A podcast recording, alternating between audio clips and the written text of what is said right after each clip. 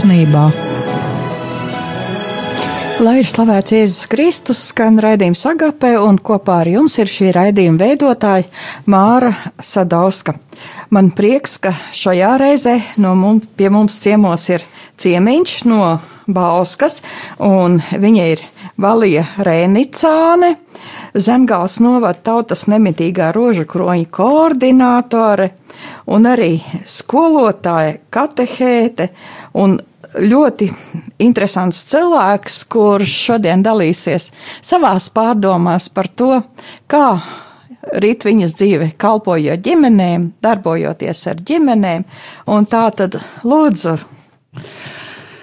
Slavēts Kristus, un gribās sveikt visus skaistās gaismas svētkos, kad svētā nāceretes ģimene uh, nes uh, templī Jēzu gaismu pasaulē, gaismu mums visiem arī šodien. Un man prieks liecināt, ka parasti gaismas svētkos arī man notiek kaut kāda iespēja liecināt arī šoreiz. Uh, iesākšu nedaudz no pagātnes. Pirms 45 gadiem pēc augstskolas es iesāku darbu skolā. Un mana uzmanība vienmēr bija kaut kā fokusēta uz ģimenēm un uh, attiecībām. Jo mana pirmā audzināšanas klase bija ļoti liela, 41 bērns, un no tiem pieciem tikai bija pilnas ģimenes. Un 80% tātad nelabvēlīgās ģimenes un arī kur bija labvēlīgās ģimenes, arī tur bērni nebija laimīgi. Un es sapratu, ka problēma nav bērnos, bet problēma ir vecākos bet nezināja, kā palīdzēt, jo pati tikko iesāku un pašai bija nodibināta ģimene. Redzēja, ka visu problēmu cēlonis ir ģimene. Kādā konferencē skolotāja jautāja lektoram, kad ir jāsāk audzināšana? Viņš teica, cik jums gadi? 24. Tātad jūs esat nokavējusi 24 gadus plus 9 mēneši. Tie 9 mēneši man zemapziņā palika visu laiku, Un es domāju, bet tiešām, kas notiek ar cilvēku deviņos mēnešos mātes klēpī?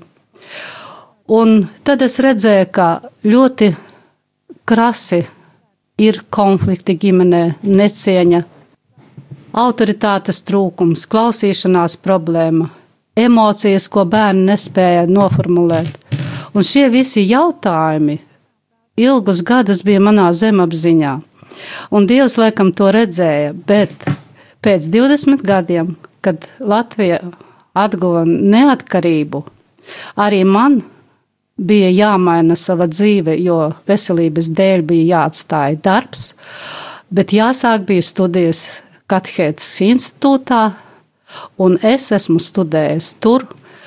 Un Pēc gadiem tikai tad es sapratu, ka Dievs vēlējās man atbildēt uz visiem šiem samilzušiem jautājumiem, kā palīdzēt ģimenēm.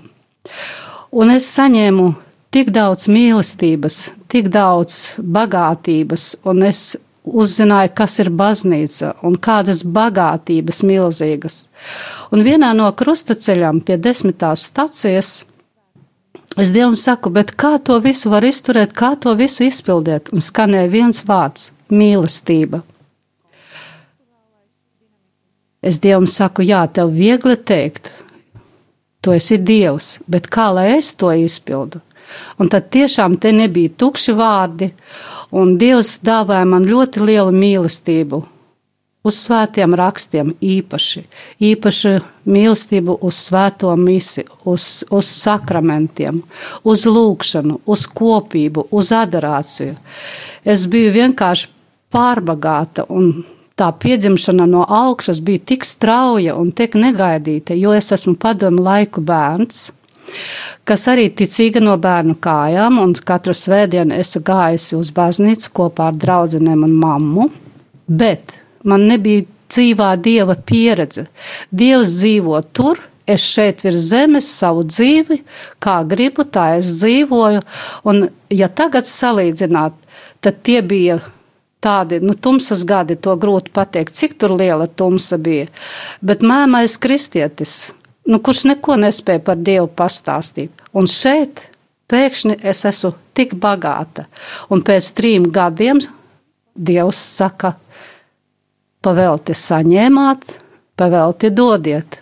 Un man bija jāatgriežas kalpošanā skolā. Un tad es sapratu, ka visa tā mīlestība, bagātība, ko esmu saņēmusi, man ir iespēja tagad dāvāt skolā, skolēniem, vecākiem, ģimenēm. Un es sapratu, ka man ir jādod tās bagātības, lai pieaugtu ticībā, un pats galvenais - attiecībās, lai būtu mīlestība savstarpējā, cieņa, sapratne. Un šīs bagātības es arī centos arī dot. Jā, tā tad atgriezāties skolā un darbojāties vairākos virzienos. Jūs pirms tam arī stāstījāt, ka bija kādas trīs ģimenes, ar kurām jūs kopā sākāt un kā tas notika. Jā, cik interesanti, ka es tagad varu teikt, ka tā es saprotu, bet tad es jau nesapratu, kad man tieši Dievs virzīs darbā ar ģimenēm. Un bija tā, ka uh, pirmā tāda ļoti liela nopietna atbildi, atbildīgs pasākums bija ekscelence Justs, jauni iesvētītais bīskaps, pieteicās uz pirmo vizīti vasaras svētkos. Un ne tikai baznīcā, bet viņš teica, es gribu satikties arī ar visiem izglītības darbiniekiem, direktoriem, bērnu dārzu vadītājiem. Nu, tas priekš mums bija šoks skolā, jo tikko ir atmoda, tikko ir, uh, ir atjaunota iešana baznīcā, un pieredzes nav, un padomu nav kam prasīt. Un tad mēs vienkārši trīs draudzenes, trīs kolēģis, trīs ģimenes vienkārši nolēmām, ka citu neko nevaram darīt, kā sāk lūgties, un lūgties ar svētiem rakstiem Marka evaņģēlijā. Un pēc nedēļas mēs eh, katoļu vēstnesītī izlasījām, ka Romā pāvis Jānis Pāvils II izdala tieši Marka evaņģēliju. Un mēs to saskatījām tādu kā svētību, tādu kā kopību ar baznīcu, ka svētais gars neatkarīgi no tā, kur tu esi, viņš strādā un arī redzami parādījās. Šis pasākums bija ļoti liels. Un visinteresantāks bija tas, ka laikam gaismu visvairāk sajūta neticīgie cilvēki, jo ar saviem padomiem, atbalstu vairāk, visvairāk gāja un palīdzēja, ieteica arī neticīgie cilvēki. Un eh, tajā pašā dienā bija dziesmu svētki. Un tas skolotājs, kam bija jāpiedalās dziesmu svētkos, viņa pusstundu starpbrīdī atveda visus dejotājus un koristus, uz, lai pagodinātu arī mūsu ekscelenci un viss tā kā. Un pēc tā pasākuma visvairāk cilvēkiem palika atmiņā tieši gaismas ceļš, jo no skolas durvīm līdz tā zāles pasākumam bija izlikts gaismas ceļš, un tas cilvēks tā uzrunāja. Ar svecītēm. Jā, ar svecītēm, un viņi varēja atrast ceļu, ejot pa kāpnēm, pa gaismas ceļu. Tā viņi arī sauca gaismas ceļš, arī pavada viscaur.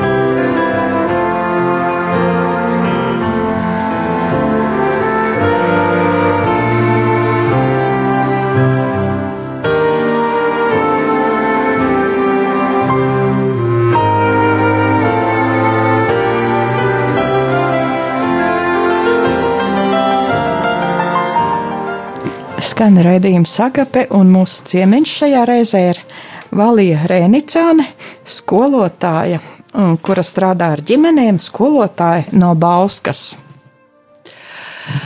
Uh, un es varu pateikt, ka mēs nebijām vieni. Mums palīdzīgā nāca nepārprotami Dievmāte un žēlsirdīgais Jēzu. Jo tā kā pēc tam attīstījās tik strauji notikumi un ka bija pēc gada iesvētīta arī kapela. Skolā, ja? Skolā, tā man liekas, bija pirmā, no nu, Zemgales novadā, jā, bija pirmā.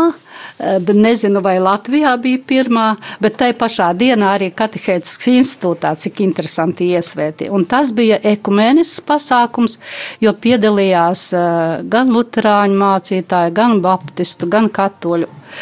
Un, jo skolā jau mācās dažādu konfesiju bērni, un mums bija ļoti fantastiska skolotāja lūkšana grupa, kad nāca, nu, nešķiroja pie kuras konfesijas pieder. Tā kā arī tāds pamats Bauskā ekumēnismam arī ielikts. Un pēc šī pasākuma ticības mācība sākās un bija izveidota Kristus mīlestības skola. Tā mēs saucām to visu šo darbošanos. Un tad bija fantastiski tā, Eh, mums viesi pieteicās, un bija eh, gan biskups Lutāņi, gan priesteri, gan mācītāji, gan no kopienām, pat Daniela Anža kopiena bija atbraukusi. Tā kā tāda ļoti, ļoti, ļoti aktīva garīgā tāda, dzīve. Tā kā eh, jums bija tāda tā kā lūkšana grupa šī te? Kristus mīlestības skola. Viņa, viņa visu kopā apvienoja Eh, gan skolotājus, gan bērnus, gan vecākus. Te darbojās gan eh, lūkšana grupa, gan šī tikšanās. Nu, dažādas gan. formas bija darba. -hmm. Jā. Un tad uh, centrs, kā saka, un avots, no kurienes nāca visas tās svētības, tā, protams, bija draudz un baznīca. Un visi šie bērni, visi šie skolotāji ar savām ģimenēm arī nāca uz baznīcu, svētdienās, uz dievkalpojumiem. Un tad, protams, bija mm, pieteikušies daudz eh, vecāku kopā ar bērniem, kas arī gribēja kristīties. Un, bet katehēta bija pavisam maz, ja viens tikai. Un man cita izēja nebija, kā sāk strādāt bērni, vecāki, vecvecāki. Un mēs jūtamies ļoti labi. Es varu liecināt, ka tas ir fantastiska iespēja katehēze ar ģimenēm. Kāpēc es to arī darīju? Jo tieši 90. gados Jānim Pāvilam II iznāca apustuliskais uh, pamudinājums par katehēzi, kur viņš norādīja, ka centrā ir svētie raksti, parādīt Jēzu viņu dzīvi, viņa pestīšanas plānu, otrs ekumēnisks virziens un darbs kopā ar vecākiem. Tā kā būtībā to, ko mēs jau darījām skolā, tas tā sanāca tā kā apstiprinājums.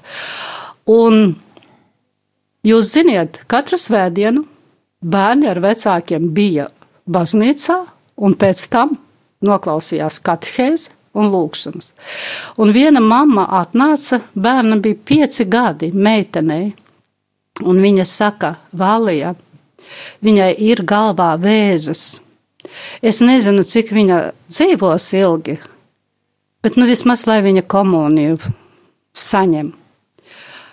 Nu, jūs iedomājaties, jā, nu, zaudēt nav ko. Un tad izrādījās, ka es parasti noslēdzu nodarbību un jautāju. Un tagad vienā teikumā lūdzu pasakiet, ko jūs izējot no baznīcas, pateiksiet cilvēkiem, ko jūs satiksiet. Un šī meitene vienmēr pateica tik oriģināli vienu teikumu, ka, godīgi sakot, pat es padomāju, vai es, vai es tā varētu pateikt. Un tad es lasīju liecības, ka visvairāk atvērti dievam un intuitīvi tic un saprot tieši šī vecuma bērni. Un pusgadu šie bērni ar vecākiem gāja uz dievkalpojumiem, iestiprināšanas sakramentu, bet pēc tam man bija citi darbi, un es redzēju, ka vēl divi gadi viņi nāca uz baznīcu, bet ar ģimenēm bērniem ir jāstrādā draudzē, un pēc tam man bija arī jādarbojas kaut kur citur, skolā un studijas un tā tālāk. Jā, un tad kā turpinājās šis darbs, kādas tad atziņas vai kādi tie augļi tam visam ir? Nu, es dzīvoju ļoti interesanti. Atjaunošanas Latvija brīvības un tuvojās baznīcā lielais 2000. gads jubilejas gads, 98, 9, 2000. Un mums bija tāda vēlme pateikties Dievam ar kaut ko īpašu. Un tad es saklausīju tiešām dievmātes eh, tādas vārdus: ej un strādā ar ģimenēm. Tas nozīmē, ka tā soli pa solim Dievs un Dievmāte savā pedagoģijā ļoti interesanti virzieni no vienas pieredzes uz otru. Un tad mēs nolēmām, ka mūsu draudzē iesāks kalpot katru mēnesi kāda ģimene. Viņa uzņēmās tādu kā šefību par baznīcu. Desmitos iesākās adorācija un rožu kronis par ģimeņu dziedināšanu jo mēs redzējām milzīgas problēmas, sāpes, kādas ir ģimenē un kā grib. Piemēram, vīrs, lai sieva būtu ticīga, vai sieva, lai vīrs, vai bērni. Un tad mēs nolēmām, kāpēc ne. Un mēs sākām rožu kronitai nodomā katru svētdienu, un pēc tam misas upurī e, pienesa e, dāvanas, bērni lasīja aizlūgumus, Un pēc tam katra ģimene pēdējā mēnesī deva liecību, mans ceļš pie dieva. Un tas bija tik ļoti liels stiprinājums, iedrošinājums arī citām ģimenēm, kuri tikko, tikko ienāca baznīcā. Un pēc tam mēs to upurdāvnes, kur bija gan vīnogas, gan augļi, eh, bija agape. Un cik interesanti, kad eh, es uzzināju, ka šis raidījums ir agape, ka mums viss caur eh, pēc misas, pēc pasākumiem, kādiem arī bija agape, tāda sadraudzība vēl vairāk. Un tad mēs, un parādījās, izveidojās jauniešu grupa, kas arī bija Romā, toreiz svētceļojumā, tas ir arī ļoti liela žēlastība. Un beidzot, nolēmām, ka mums ir jāiet uz svētceļojumā, uz skaiskalni. Trīs dienas svētceļojumu. Bet, lai tā nebūtu tāda vienkārši pastaiga, jā, bet pieredzes arī vēl nav, un tikko mēs paši jauni. Un tad es nolēmu, ka visu svētceļojumu sadalīt trijās ģimenēs - Ādama, Noasa un Ābrahama. Un tātad katrai ģimenei bija izvēlēta tēvs un māte kuri, kā saka, visu to grupu savāca. Vajadzēja studēt svētos rakstus, vajadzēja izzināt par to ģimeni, vajadzēja izstāstīt, vajadzēja noformēt savu, savu grupu vai ne. Eh, tur šo visādas eh, piederumus. Un tāda ļoti aktīva, un mēs pusgadu sakramenta priekšā lūdzamies nodomā par šo svētceļojumu un par ģimeņu dziedināšanu, par atgriešanos pie Dieva un, par, un lūdzamies arī nodomā par skaiskalni, lai tā būtu svētceļojuma vieta un ģimeņu dziedināšanas vieta. Bet tas bija 2000. gads. Tā mēs aizgājām svētceļojumā. Trīs dienas tas bija gandarītāja svētceļojums par ģimenes dziedināšanu. Un es saklausīju, ka jāpaņem uh, svētceļojumā jāiznes uz skaistkalnu baltās un sarkanās rozes. Un tā arī bija izdarīta. Un tā mēs uh, nonācām skaistkalnē un sakritība, nejaušība 2001. gadā. Skaistkalnē ierodās pauliniešu mūki – Un tur tagad ir ģimeņu aizbildnis, svētnīca, kur gan maijā, gan augustā notiek lieli pasākumi ģimenēm. Pēc šīs svētceļojuma uz Ziemassvētkiem bija atskaita. Katrai ģimenei atkal bija jādara izvērte, kā notika svētceļojums, kā, ko viņi ieguva, ko viņi izdarīja. Un bija tāds tā kā katrai ģimenei tāds uzvedums teātris. Bija ļoti interesanti, un tur arī jaunieši piedalījās. Bija, man gribās atcerēties arī, kas jau mūžībā Marinsku ģimene, kur fantastiski bija cilvēki, kur ar savu padomu, ar pieredzi mums palīdzēja. Viņam bija kaut kur 75 gadi. Un tā mēs turpinājām. Tātad Izrādās, ka tik daudz iespējas būt kopā ar bērniem, mazbērniem, vecākiem, vecvecākiem. Ko jums šīs, eh, šī tāda kalpošana jūsu dzīvē, kādas atziņas ir devusi? Es domāju, ka eh, milzīgu pieredzi, milzīgu bagātību, iegūmu un to, ko mēs ieguvām šeit, Dievs tālāk arī turpināja, kad pēc visiem šiem svētkiem, tad atnāca ģimenes un saka, mums jāveido tādu nopietnu, stabilu kopienu ģimenes. Un tā izveidojās 2002. gadā Svētās Nāceretes ģimenes kopiena, kur bija septiņas ģimenes, un tad mēs svinējām gan liturgiskos svētkus kopā, gan dzimšanas svētkus, gan dzimšanas dienas, gan vārda dienas. Visur apmeklējām pasākumus, sporta pasākumus, teātru, operu.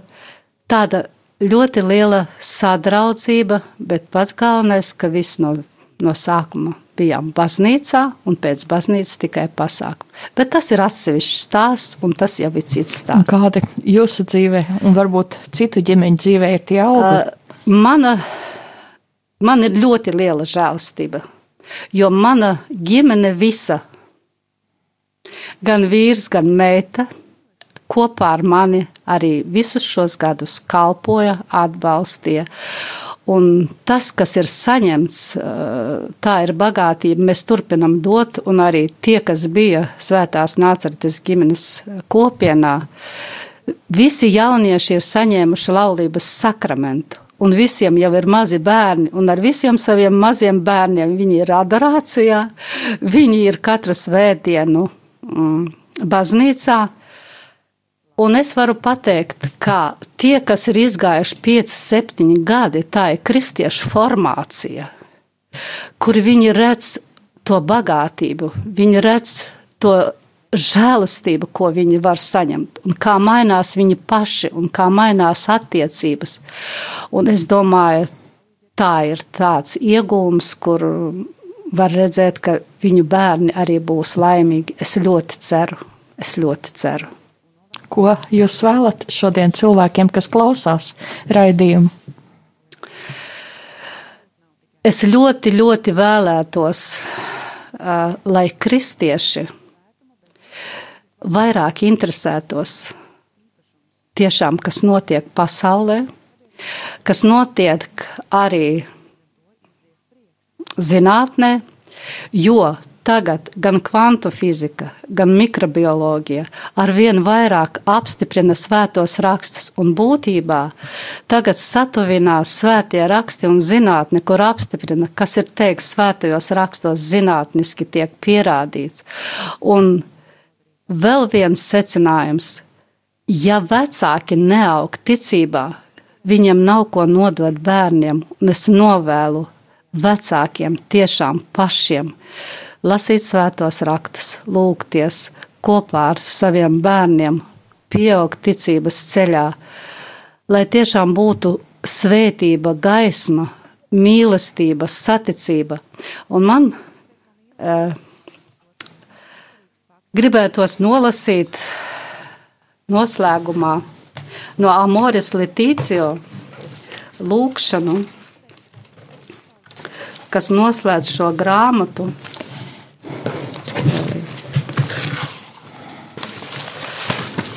Svētai ģimenei. Jēzu, Marija un Jāzep. Jūsos mēs apceram patieso mīlestību, jums paļāvībā uzticam sevi. Svētā nācertes ģimene, dari arī mūsu ģimenes par komunijas un lūkšanu vietām, par patiesam evaņģēlijas skolām un mazām mājas baznīcām. Svētā nācaretes ģimene, lai nekad vairs ģimenes nepiedzīvotu vardarbību, noslēgšanos un šķelšanos, lai katrs, kas ir ievainots vai nomāks, drīz vien tiktu mierināts un dziedināts. Svētā nācaretes ģimene, dari, ka mēs visi apzinātos ģimenes svētumu un neaizskaramību, tās dieva iecerēto skaistumu. Jēzu, Marija, Jāzep, uzklausiet mūsu lūgšanu un lūdzieties par mums! Sirsnīgs paldies par to, ka esat šajā raidījumā. Paldies par jūsu dalīšanos, paldies par jūsu brīnišķīgo liecību. Tātad mūsu šīs dienas ciemiņš Valija Rēnicāne, Zemgals novada tautas nemitīgā rožu kroņa koordinātore un arī skolotāja, katehēte un cilvēks, kurš kalpo un dalās ar ģimenēm savā mīlestībā, savā ticībā un vada, aicina ģimenes šajā gaismas ceļā. Un Agape šajā, šajā reizē saka jums visiem ar Dievu.